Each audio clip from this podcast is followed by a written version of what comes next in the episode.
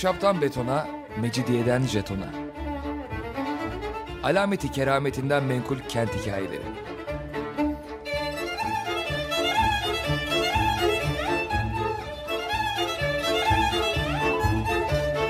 Hazırlayan ve sunan Pınar Erkan.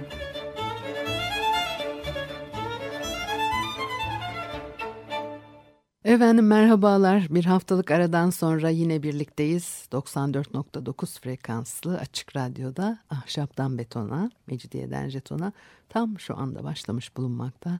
Anlatıcınız ben Pınar Erkan. Elektronik posta adresim pinarerkan.yahoo.co.uk Bakalım bugün programımızda neler var. Efsanelerin dinlerin başlangıcında yaratılış öyküleri yer alır. Bu öyküler Adı üstünde evrenin ve dünyanın, canlıların, cansızların nasıl yaratıldıklarını, nasıl var edildiklerini anlatıyor. Örneğin Mezopotamya mitolojisinde ilk tanrılar olarak Marduk ve Tiamat'la karşılaşıyoruz. Bu öykülerin birçoğunda tanrıların mimarlığa yaklaşımları olumlu. O öykülerde tanrılar binalara karşı yapıcı davranıyorlar. Orta Afrika'da yaşayan Faliler, evlerinin planı bir kaplumbağanın bedenini andırıyormuş çünkü ev yapmayı ataları dolayısıyla da tanrılı, tanrıları olan bir kaplumbağadan öğrenmişler. Ee, Yunan mitolojisine göre ise insanlar kentler kurmayı yarı insan yarı yılan olan Kral Kekrops'tan öğrenmişler. Yine aynı mitolojide Tanrıça Artemis'le karşılaşıyoruz. Efes'teki ve antik dünyanın yedi harikasından biri olan Artemis Tapınağı'nın e, yapımına kocaman ağır taşları kaldırıp yerlerine koyarak yardım ediyor. Ee, yine kutsal kitapta Tanrı e, o dillere destan Süleyman Tapınağı'nın nasıl inşa edileceğini en ince ayrıntılarına kadar bildiriyor. Bir söylentiye göre e, Ayasofya'nın planını çizen de Tanrı'nın kendisi. Tanrı sözcüğü yerine doğa sözcüğünü koyabiliriz. O zaman e, Vitruvius'un insanların evlerini, kırlangıçların yuvalarını nasıl yaptıklarını gözleyerek, onlardan esinlenerek inşa ettiklerine ilişkin savını da doğanın mimarlığa olumlu, yapıcı katkılarda bulunduğunu ortaya koyan bir kanıt olarak değerlendirebiliriz. Bu madalyonun bir yüzü. E, madalyonun diğer yüzünde ise mimarlığa, mimari yapıtlara olumsuz yaklaşan, onlara yıkıcı davranan, kentleri, binaları pervasızca yakıp yıkan doğa güçleri ya da tanrılar var. Bu yıkıcılığın altında yatan nedenler elbette çok çeşitli. Örneğin tanrıların genellikle insanların onları dinlemeyip yanlış yollara sapmaları durumunda gazaba geldikleri ve kentleri, binaları onları cezalandırmak için yıkmaya kalkıştıkları e, söylenir. E, Gılgamış destanında yalnızca e, Tevrat'ın tekvim bölümünde de değil sadece Yunanistan'dan İskandinavya'ya uzanan geniş bir e, coğrafyada e, karşımıza çıkıyor tufan öyküsü. Özellikle kutsal kitapta anlatıldığı biçimiyle bütün yer küreyi kapsar. E, yağan yağmurlar, seller, dünya üzerindeki her şeyi, e, bu arada tabii ki binaları da etkiliyor. Onların yıkılıp gitmelerine neden oluyor. E, bu tür yıkımların bir başka örneği Lut peygamberin uyarılarını aldırmadıkları, e, sapkın davranışlarda bulundukları için Tanrı'nın gazabına uğrayan Sodom ve Gomorra kentleridir. Tekvinde yer alan ayetler var. Bu iki kentin yıkılarak cezalandırılması dile getiriliyor. Diyor ki Rab Sodom üzerine ve Gomorra üzerine göklerden kükürt ve ateş yağdırdı ve o şehirleri ve bütün havzayı ve şehirlerde oturanların hepsini ve toprağın nebatını alt üst etti. Ve İbrahim Sodom ve Gomorra'ya doğru ve bütün Havza memleketine doğru baktı ve gördü ve işte yerin dumanı ocak dumanı gibi çıkıyordu. Savaşlarda da şehirler yıkıldı. Örneğin İkinci Dünya Savaşı sırasında e, faşistler tarafından bombalanan Guernica, e, küçük, önemsiz bir İspanyol kasabası.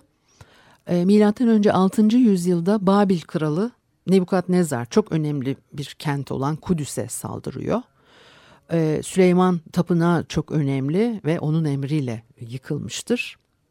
Bir süre sonra bu kez Nebukadnezar'ın kenti e, zamanın büyük şehirlerinden biri olan Babil Asurlular tarafından saldırıya uğruyor ve yağmalanıyor. Akdeniz'e hem askeri hem siyasi hem de ekonomik alanda egemen olmak isteyen Roma İmparatorluğu var tabi ve e, o kendi döneminde Kartaca'yı e, büyük rakibi olarak görmüştür. Kartaca'nın palazlanmasından hiç memnun değildi. E, büyük kaygı duyuyorlar. E, ciddi travmalara sebep olmuştur. Roma İmparatorluğu Kartaca arasındaki savaşlar Roma'nın ileri gelenleri arasında neredeyse bir takıntıya dönüşüyor Kartaca. E, bu önemli insanlardan biri Marcus Porcius Cato e, konuşmalar yapıyor ve hemen her konuşmasını Kartaca yok edilmelidir sözleriyle bitiriyor. Kartaca Roma İmparatorluğu arasında milattan önce 3. ve 2. yüzyıllarda Pön savaşları e, gerçekleşmiştir. E, üç adetti bunlar ve üçüncüsünün sonunda Kartaca kenti haritadan silindi. E, bir zamanlar binalarla dolu olan alanlar tarla sürer gibi sürülerek birer tabula rasaya dönüştürüldü kentlerin tarihi dokusunun yıkılıp silinerek tabula rasaya dönüştürülmesini unutmayın. Kentleri, binaları yalnızca devletler arasında, e, daha doğrusu devletlerin silahlı kuvvetleri arasında gerçekleşen e, geniş kapsamlı resmi savaşlar değil, yerel iç savaşlar, e, kısa süreli başkaldırılar, isyanlar, ayaklanmalar da yıkabiliyor. Fransız ihtilalinin başladığı tarih 14 Temmuz 1789 olarak kabul edilir ve o gün aynı zamanda Paris'teki Bastille hapishanesinin e, saldırıya uğradığı gündür. E, İstanbul'da Bizans döneminde e, çok sık rastlanan ayaklanmaların en ünlülerinden biri Nika ayaklanması. E, bugün Ayasofya'nın Ayasofya'nın yani bugünkü Ayasofya'nın e, yerinde başka bir e, ahşap çatılı bazilika vardı. E, ikinci Ayasofya'ydı o. E, Nika ayaklanması sonunda yakılıp yıkılmıştır. E, e, ondan sonra zaten e, günümüzdeki Ayasofya'nın inşa edilmesi e, büyük bir olaydı. Kentleri, binaları yıkanların kimileri yaptıklarıyla övünüyorlar. Hitit kralı 1. Hattuşili bunlardan biri. Asur kralı Sinaherib'in izniyle Asur askerleri Babil'e temellerini bile yok edecek kadar vahşice saldırıyorlar. Sinaherip bütün bu olup bitenleri onayladığını e, övünerek şu ifadelerle anlatıyor. Gelecekte kentin yerini, tapınaklarını ve tanrılarını kimse hatırlamasın diye su baskınından, tufandan da mükemmel bir biçimde kenti yıktım. Baştan aşağı suyla kapladım ve otlak haline getirdim. Tarihte yeni gelen çoğunlukla eskiyi yıkmıştır. E, iktidarını kurabilmek, pekiştirebilmek, e, devamlı olabilmek, varlıklarını sürdürebilmek için yıkıyorlar eskiyi. Sanayi devrimi e, böyle bir devrim. Modernizm tabii ki sanayi devrimiyle çok sıkı bir ilişki içerisinde ve mimarlık, modern mimari. Modern mimarinin babası olan Le Corbusier kuramsal yönü, söylemi çok güçlü bir e, önemli mimar Le Corbusier.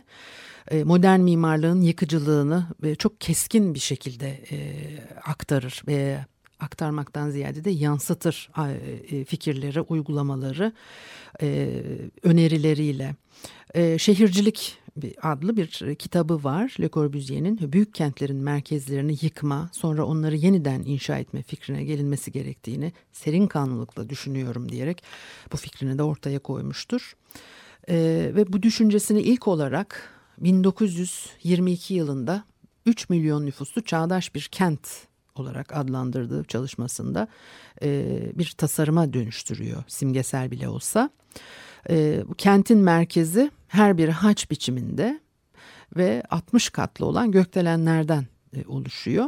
Le Corbusier 3 yıl sonra geliştirdiği bu modeli biraz değiştirerek gökdelenlerin sayısını 18'e indiriyor. Yüksekliklerini 200 metreye çıkarıyor. Paris'e e, kentin tarihi merkezine e, uyguluyor.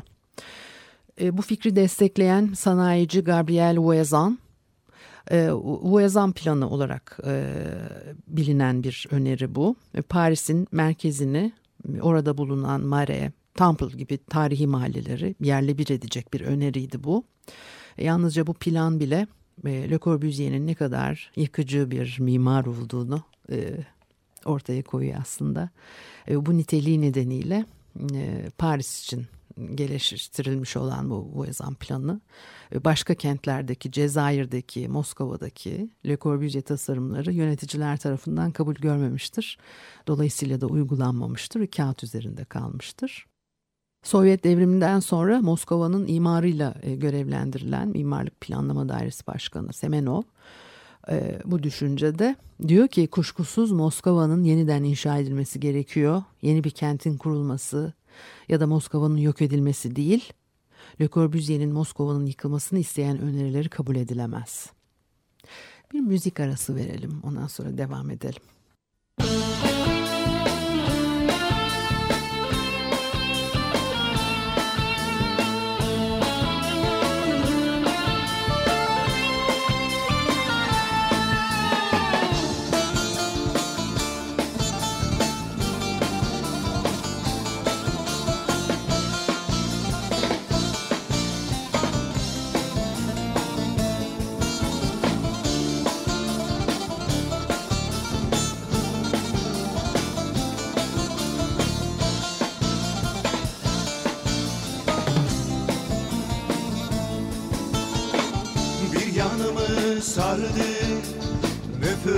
müfreze kolu Bir yanımı sardı varilci oğlu Bir yanımı sardı müfreze kolu Bir yanımı sardı varilci oğlu Beş yüz atlı yınan kestiler yolu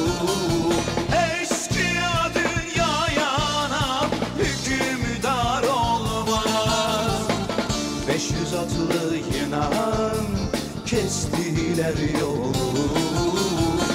Eskiya dünyaya ana hükümdar olmaz.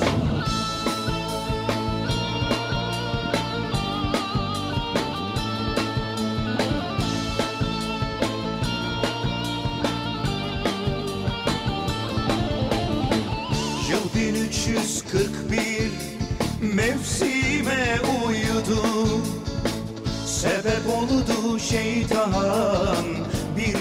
bir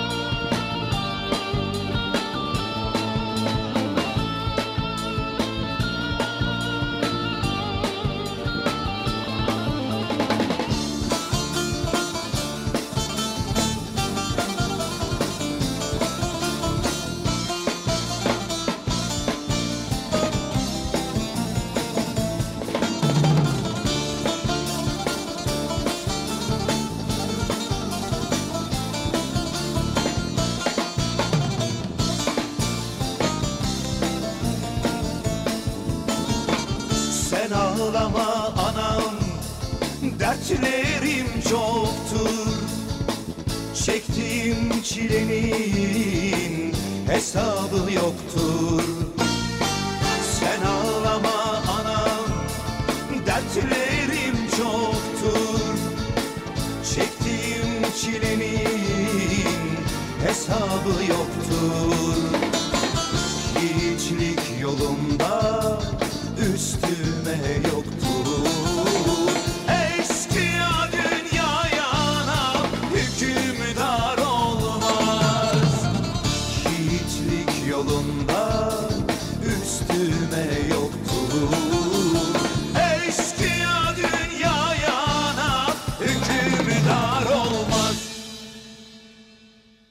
Efendim ahşaptan betona, mecidiyeden jetona e, açık radyoda devam ediyor. Haliyle Pınar Erkan'ı dinlemektesiniz.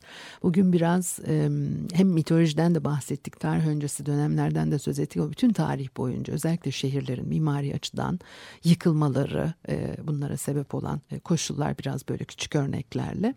Yıkıcı olan başka birçok isim ve akım vardı. Biz en son biraz Le Corbusier'i konuştuk. Özellikle Birinci Dünya Savaşı döneminde...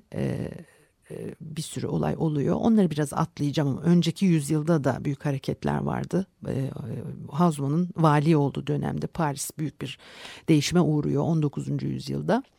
E, Hazman'ın Paris kentinin içinde açtığı bulvarların yani yeni caddelerin toplam uzunluğunun 165 kilometreyi bulduğu söylenir. Yıkılan binaların sayısı 24.424 olarak veriliyor. Yine e, geçen haftaki programda Menderes yıkımları sırasında e, yıkılan bina sayısını Doğan Kuba'nın e, 74.800 küsur olarak verdiğini söylemiştim. Yani Hausmann gene e, onun üçte biri. E, biraz da e, e, ilginç bir takım yıkım yöntemlerinden e, örnekler vereyim size. Bunlardan biri Avustralya'da yaşayan Diyeyeriler olarak bilinen e, yerlilerin kullandığı bir yöntem. E, bu insanlar kazdıkları e, işte 4 metre 2 ya da 3 metre e, boyutlarındaki bir çukurun içine ağaç kütüklerinden dallardan oluşan bir kulübe yapıyorlar. Ve kulübenin ortasına da iki adet taş yerleştiriyorlar. Sonra bu yapıyı ellerini ve kollarını kullanmadan yalnızca başlarını vurarak yıkıyorlar. E, bu tuhaf bir yıkım aslında bir büyü bu.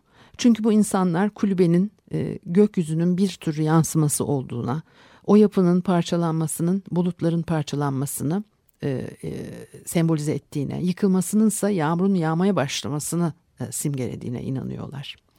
Bir e, İskandinav efsanesi var. O da Olaf Saga e, destanının kahramanı e, Kral Olaf. E, geniş bir köprüyü yani üzerinden iki e, arabanın geçebileceği kadar geniş bir köprüyü e, köprünün ayaklarına bağlattığı halatları gemisiyle çekerek yıkıyor. Samson ya da Şimşon adlı çok güçlü bir adam bir evi e, kollarıyla yıkıyor. E, Hakimler kitabında şöyle anlatılır bu. Ve evin üzerinde durmakta olan iki orta direği Şimşon tuttu ve onlara sağ eliyle birine, sol eliyle ötekine dayandı ve bütün kuvvetiyle eğildi ve ev beylerin üzerine yıkıldı. Milattan sonra 1. yüzyılda doğmuş Plutark, e, Kleomedes'ten söz eder. E, İmparatorluk Roma'sında yaşıyordu Plutark fakat Yunan kültürünü daha üstün sayar. Ve e, Kleomedes de bir dev kadar güçlü bir insan azmanı olarak e, betimlenir. Bir gün durup dururken bir okul binasının bir sütununu e, kırıyor. Binanın çökmesine, içerideki çocukların ölmesine neden oluyor. Plutark yazmıştır bunu. E, yıkıcı etkenlere karşı uzun süre başarıyla direnen, e, kolay kolay yıkılmayan yapılar da var. Örneğin bugün yaklaşık 4500 yaşında olan Mısır piramitleri e, örnek olarak verilebilir. Bu taş yapılar e, zamana karşı e, meydan okuyan yapılar olarak karşımıza çıkıyor. İnsan zamandan korkar ama zaman da piramitlerden korkar diye bir Arap atasözü de varmış. E, yaşı 1500 dolaylarında olan tabi Ayasofya e, yani piramitlerle kıyaslandığında elbette çok daha gençtir. Fakat e, ondan e, çok daha sonra e, inşa edilmiş olan çok sayıda yapı yıkılmışken e, şu kubbesi birkaç defa çökmüştür ama yine de günümüze kadar ayakta kalmayı e, başarabilmiştir. E, kolay kolay yıkılmayan yapıların bir başka örneği e, Frank Lloyd Wright'ın Tokyo'da yaptığı Imperial e, Hotel. 1923 yılında bir deprem meydana geliyor. Müthiş bir deprem bu. E, neredeyse tüm Tokyo'yu e, yerle bir ediyor ama o binayı yıkamamıştır. İmperyal Otel e, gerçek bir kolay kolay yıkılmayan e, yapı çünkü e, deprem oluyor ondan sonra 22 yıl geçiyor. İkinci Dünya Savaşı sırasında Amerikan uçakları e, bombalar e, atıyor o bombalardan da sağ kurtulmayı başarmıştır. Yani binanın sağ kurtulmayı başarmasını söylemek de e, enteresan oluyor mu? Yani yaşam, yaşamaya devam ediyor ayakta kalabiliyor bina.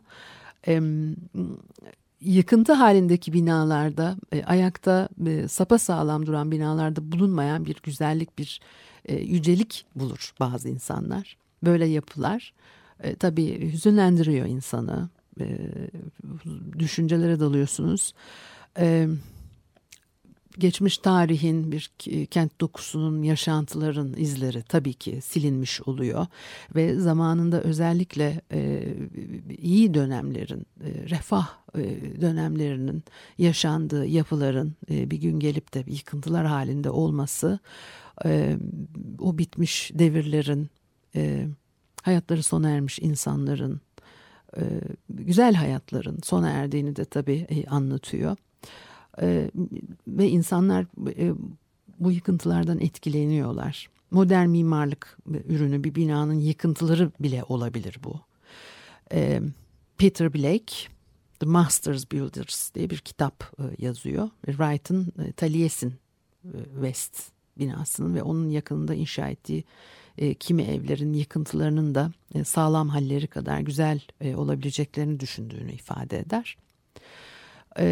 Yani halbuki bunlar insanı hüzünlü duygulara, e, düşüncelere sürükleyen e, e, binalar. E, ünlü Fransız filozofu Diderot e, bu düşünceleri, duyguları ifade ediyor. Ey güzel, yüce yıkıntılar, şu yıkık kubbeye, onun üzerindeki kütlelere ne büyük bir hayranlıkla, ne büyük bir şaşkınlıkla bakıyorum. Bu anıtı yapan insanlar neredeler, ne oldular? Her şey bir hiçe dönüşüyor, yok oluyor, geçip gidiyor. Kalan yalnızca dünya, sürüp giden yalnızca zaman. İki sonsuzluk arasında yürüyorum.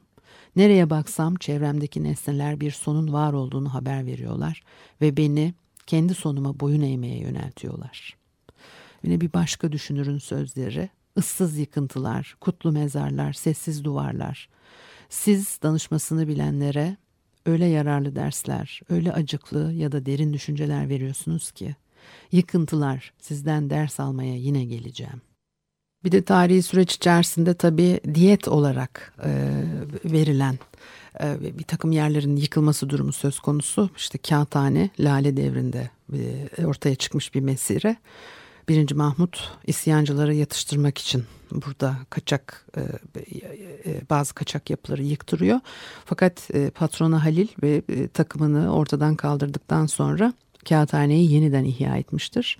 Dolayısıyla 1722'deki Çağlayan Kasrı 1809'lara ve 2. Mahmut devrine kadar yaşar ve Çadır Köşkü 2. Mahmut tarafından 1809-1810 yılları civarında yenilenir.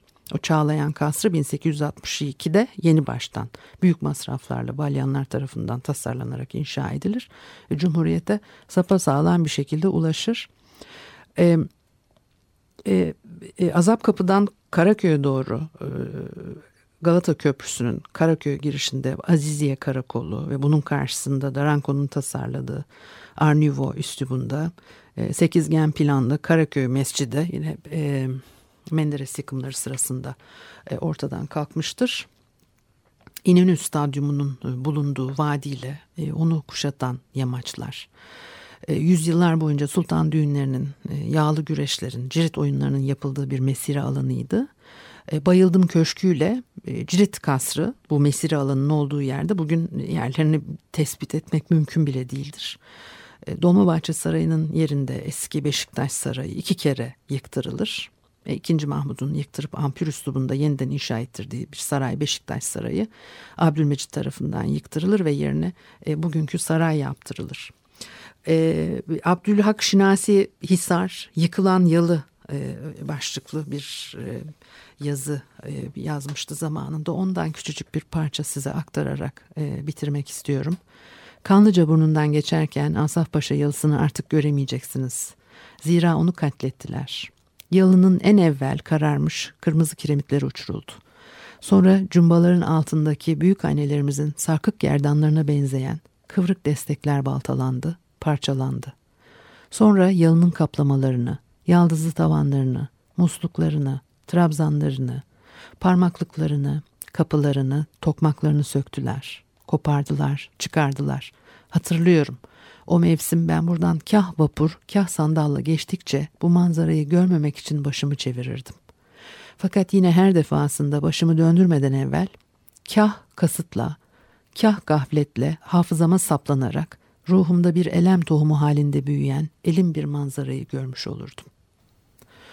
Bugün bizim e, Taksim'den geçemediğimiz gibi Gürhan Tümer Hoca'dan aktardım. Haftaya görüşene kadar hoşçakalınız.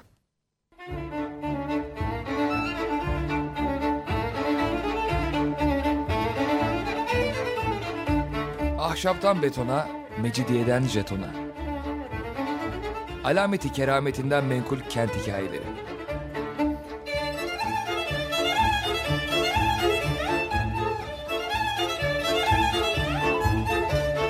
Hazırlayan ve sunan Pınar Erkan.